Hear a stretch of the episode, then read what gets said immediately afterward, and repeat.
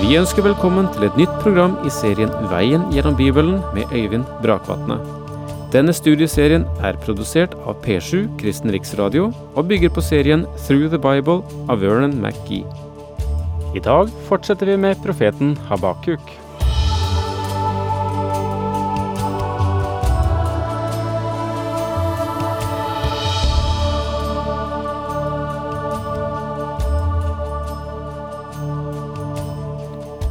Velkommen tilbake til eh, videre vandring sammen med profeten med de mange spørsmål. Det er det jeg har kalt eh, Habakuk. Men om han er profeten med de mange spørsmål, så er han samtidig profeten med det store budskap. Det møter vi ikke minst i eh, det verset som vi siterte før vi sa farvel til hverandre sist, nemlig kapittel to og vers fire. Kapittel to, vers fire, og der går vi inn i dag. Og la meg gjenta at dette verset, det er nøkkelen til denne lille profetboken av Habakuk. Og dette verset gir oss nøkkelen til tre store lærebrev i Det nye testamentet som siterer dette verset, og da skjønner du hvor vesentlig det er, nemlig Romerbrevet, Galaterbrevet og Hebreerbrevet. Og slik lyder teksten. Se, frekk og uærlig er han, men den rettferdige skal leve ved sin tro. Det har vært gjort mange krumspring for å komme forbi den sterke makten i dette verset. Noen har forsøkt å tolke tro som trofasthet eller å opptre rett. Den rettferdige skal leve ved sin trofasthet. Men det er ikke det dette verset sier. Det verset gir oss, er nemlig de to veiene som er åpnet for menneskeslekten. Og det gjør dette verset meget sentralt og unikt. Legg merke til at dette verset nevner to grupper mennesker som er i verden. Det er for det første de som er tomme, men oppblåste sjeler, og for det andre de rettferdige som lever ved sin tro. Med andre ord kan du kalle dem de fortapte og de frelste, eller de som har stolt på Gud og de som har trodd på ham, eller du kan kalle dem de hellige og de vanhellige, det drar også opp en meget skarp linje. Du husker at i vers 1 sa Habakuk at han hadde stått på sin post for å vente på svar fra Gud. Det ville være Guds store budskap som vil forklare hans behandling av enkeltmennesker og nasjoner. Så her i vers fire har vi et stort prinsipp som Gud har meislet ut. Faktisk er det et av Bibelens aksiomer. Du husker kanskje at da du studerte geometri, så var det visse aksiomer som var selvbevisende, visse setninger som, eh, som var sitt eget bevis, som du ikke behøvde å bevise. For eksempel er en rett linje den korteste distanse mellom to punkter. Og det er også visse uttalelser i Skriften som har den samme verdi som aksiom. Den nedfeller grunnleggende prinsipper, og her er et av dem. Den rettferdige skal leve ved sin tro. Se, frekk og uærlig er han. Det gjengis med et mye sterkere bilde i den gamle oversettelsen, der det står slik Se, oppblåst og uærlig er hans sjel i ham. Dette beskriver en gruppe mennesker som er stolte til bristepunktet. Enten forsøker de å meisle ut sin egen frelse, eller de lever bare for dagen i dag, etter filosofien et, drikk og vær glad, for i morgen dør vi. Det er ikke noe virkelig mål i livet. Se frekk og uærlig er han. Han tar feil, han går på gale stier. Eller som det står i Ordspråksboken, kapittel 14 vers 12, om mannen mener at veien er rett, kan den likevel ende i døden. Og det er kanskje ikke vanskelig å bevise. De har en oppblåst sjel. Stoltheten og hovmodet driver dem av gårde. De beveges av tidens strøm og vil til sist nå ødeleggelsens hav. Det er slutten på dem. Skriften beskriver ikke ofte skjebnen for de som er tapt, men den Herre Jesus fulgte deres linje til siste slutt, når han fortalte om den rike mannen og Lasarus. Les om det i Lukas 16 om du vil. Da Lasarus døde, ble han båret til paradis. Da den rike mannen døde, ble han ført til Hades, dødsriket. Han dro, som det ble sagt om Judas, til sitt eget sted. Om du går gjennom livet på samme vis, så vil du også ende på samme vis. Men den rettferdige skal leve ved sin tro. Det beskriver den andre gruppen i menneskeheten. De strømmer ned langs livets flod, mot Guds stad og mot full kunnskap. Da skal jeg kjenne slik som jeg selv fullt ut har erkjent.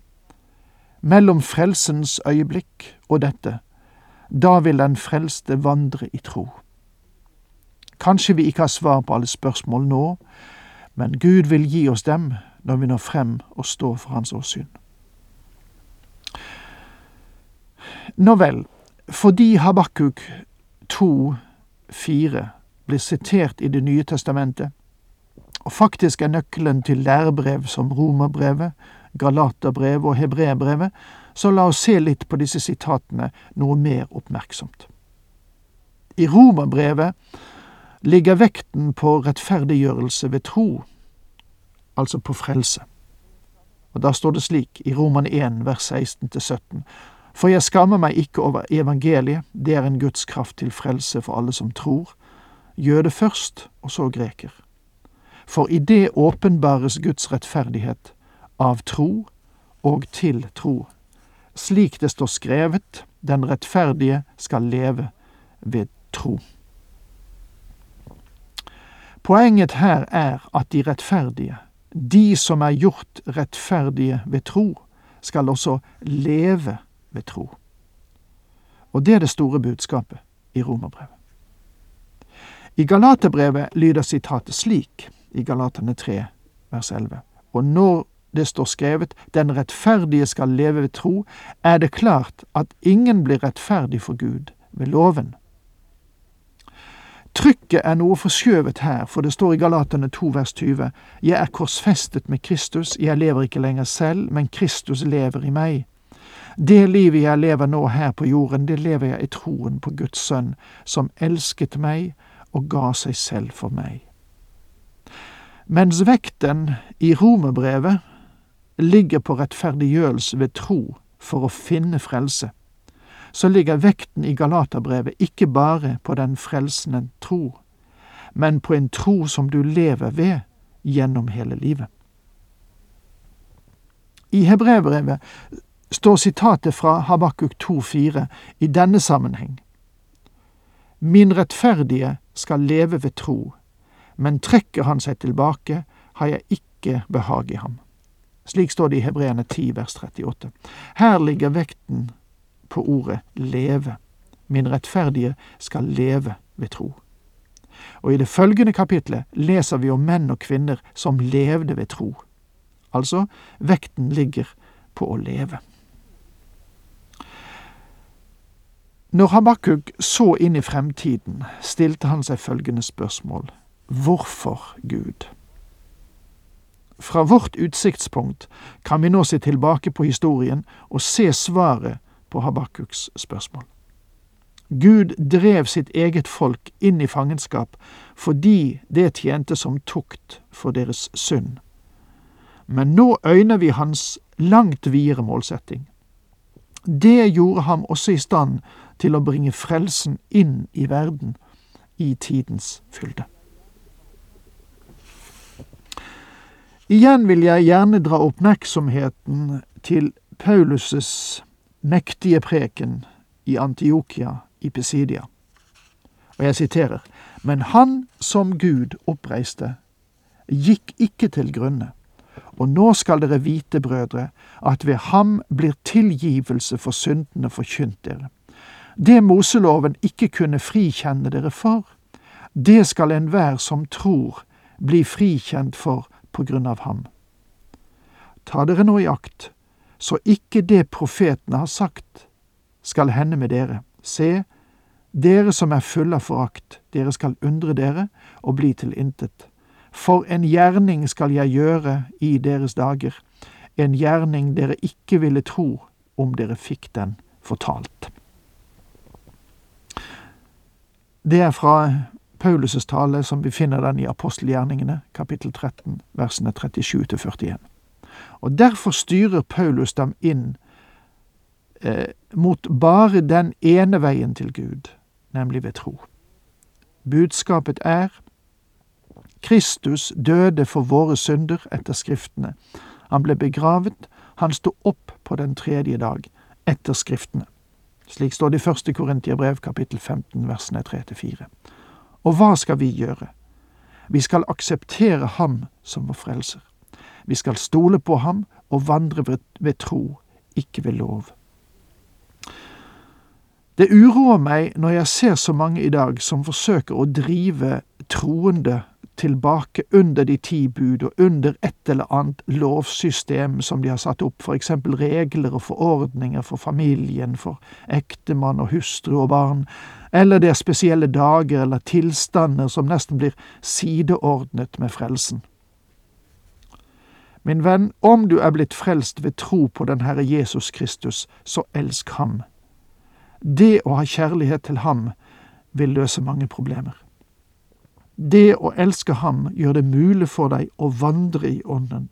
Og når du vandrer i Ånden, vil du bli fylt med Ånden, og du vil eie glede i ditt hjerte. Du vil bli en bedre ektefelle, en bedre sønn eller datter i familien. Du vil være en bedre arbeider eller arbeidsgiver. Hvor du enn er, under hvilke som helst kår du er, så vil du være bed et bedre menneske om du vandrer ved tro. Og en dag vandrer du rett innfor hans åsyn og skal være sammen med ham i all evighet. Abakuk var en troen, troens mann. Han sa, Jeg vil gå til mitt vakttårn og vente på Guds svar. Jeg stoler på ham som har svaret. Du forstår at uten tro er det umulig å behage Gud, for den som trer fram for Gud, må tro at han er til, og at han lønner dem som søker ham, som det står i Hebreerne 11, vers 6 og den rettferdige skal leve ved sin tro. Mine venner, i dag ber Gud oss komme til seg, og eneste måten du kan komme til ham på, er ved tro. Troens menneske tar imot livet ved tro og vandrer i tro, og beveger seg inn i evigheten ved tro. Ikke ved egne evner eller anstrengelser, men ved den kraft og det verk som tilhører en annen. Takk for nå. Herren med deg.